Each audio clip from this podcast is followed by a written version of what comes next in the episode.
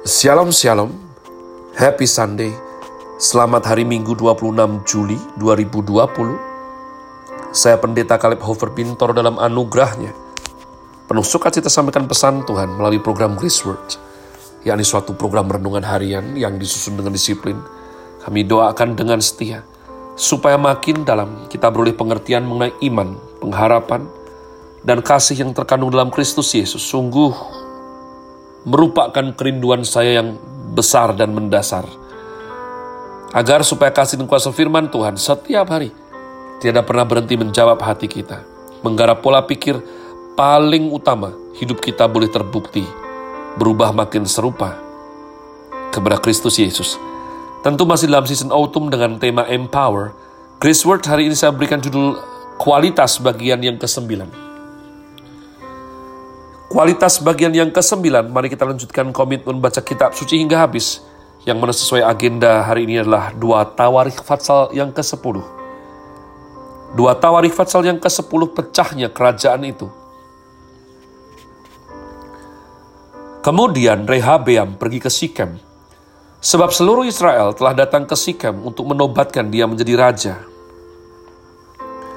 Segera sesudah hal itu kedengaran kepada Yerobeam bin Nebat, ia ada di Mesir, sebab ia melarikan diri ke sana dari hadapan Raja Salomo.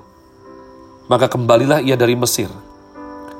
Orang menyuruh dia, orang menyuruh memanggil dia, lalu datanglah Yerobeam dengan seluruh orang Israel dan berkata kepada Rehabeam, Ayahmu telah memberatkan tanggungan kami,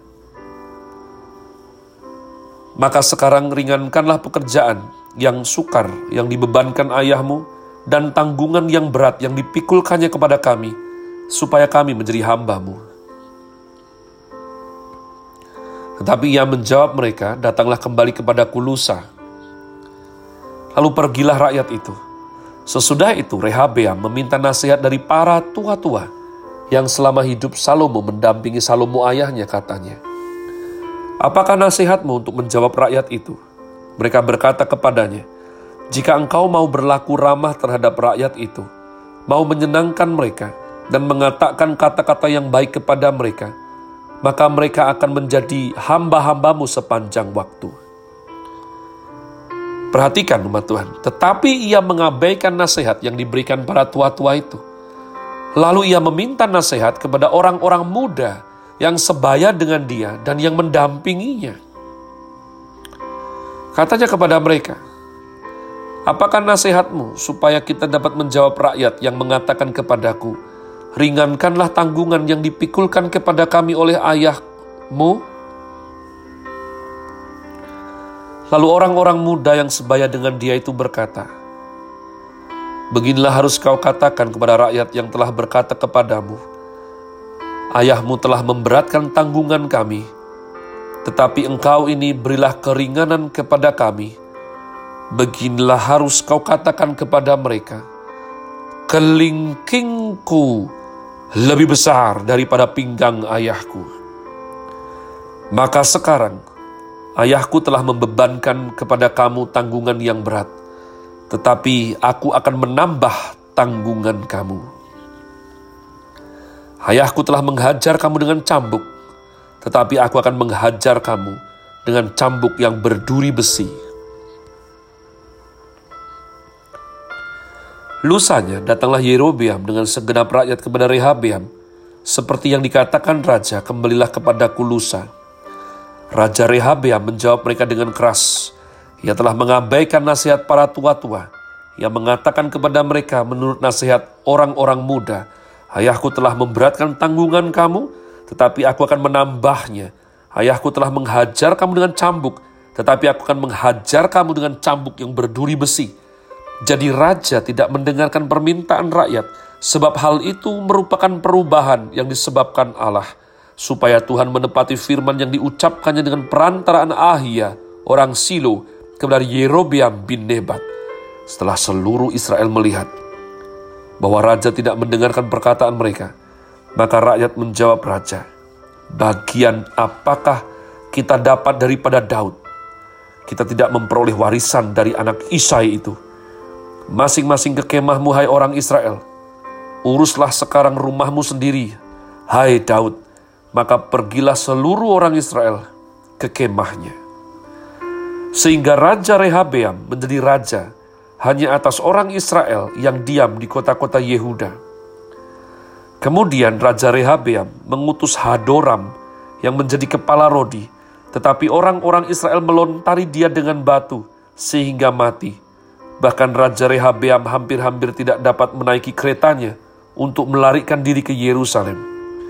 Demikianlah mulanya orang Israel memberontak terhadap keluarga Daud sampai hari ini. Saya sudah melafalkan daripada Grace Words ini umat Tuhan dengan setia. Dan dua hari sekali dalam pembacaan saya sudah ingat memberikan tajuk yakni kualitas 1 sampai dengan 8. Dan kali ini saya kembali berikan judul kualitas bagian yang ke-9 daripada komitmen baca kitab suci hingga habis yang merupakan disiplin yang sangat bagus untuk jiwa kami masing-masing, jiwa kita masing-masing.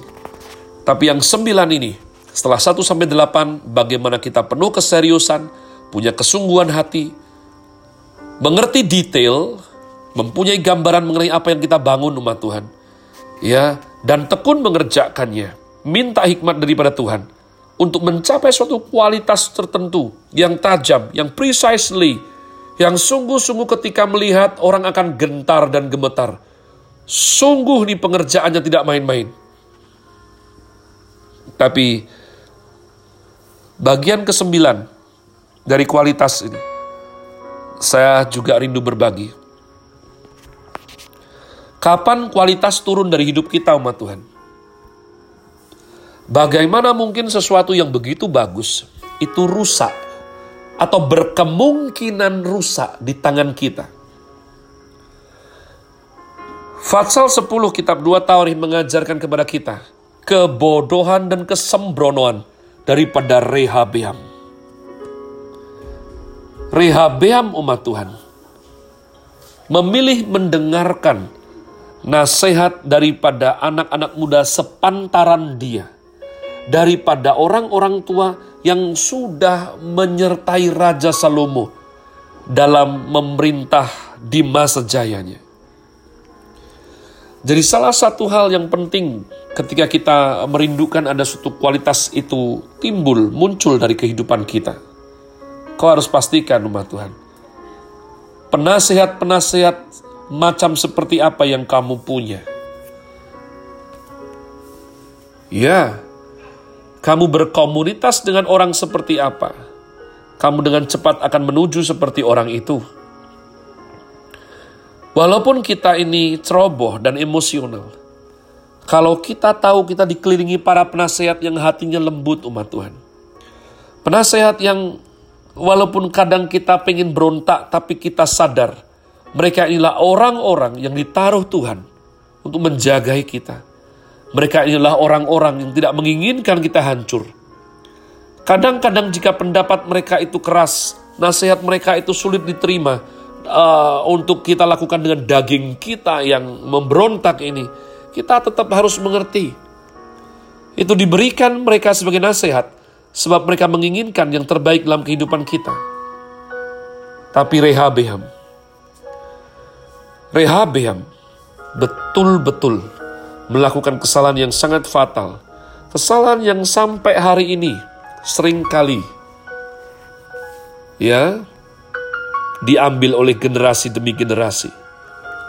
Tahukah saudara, ketika kedagingan kita menginginkan sesuatu hal, maka telinga kita ini mempunyai tuntutan. Tuntutan itu berbunyi, bahwa aku ingin mendengar sesuatu yang selaras dengan hawa nafsu atau kedaginganku. Bahkan kadang mereka tidak akan suka jika disebut hawa nafsu atau kedagingan.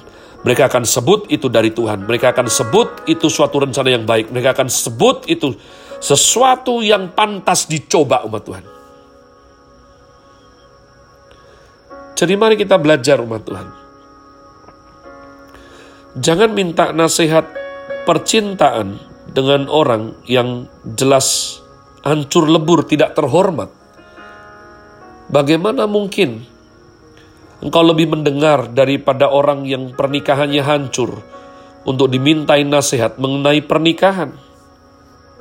Bagaimana mungkin kita mempercayai daripada nasihat orang yang obesitas ketika kita berkata pengen hidup sehat dan mengurangi berat badan?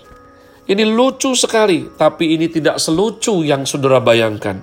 Tipuan kuno ini umat Tuhan sudah dimulai daripada kejadian fatsal ketiga, the human fall, kejatuhan manusia dalam dosa. Saya tutup dengan demikian, saya ingatkan supaya kita semua awareness.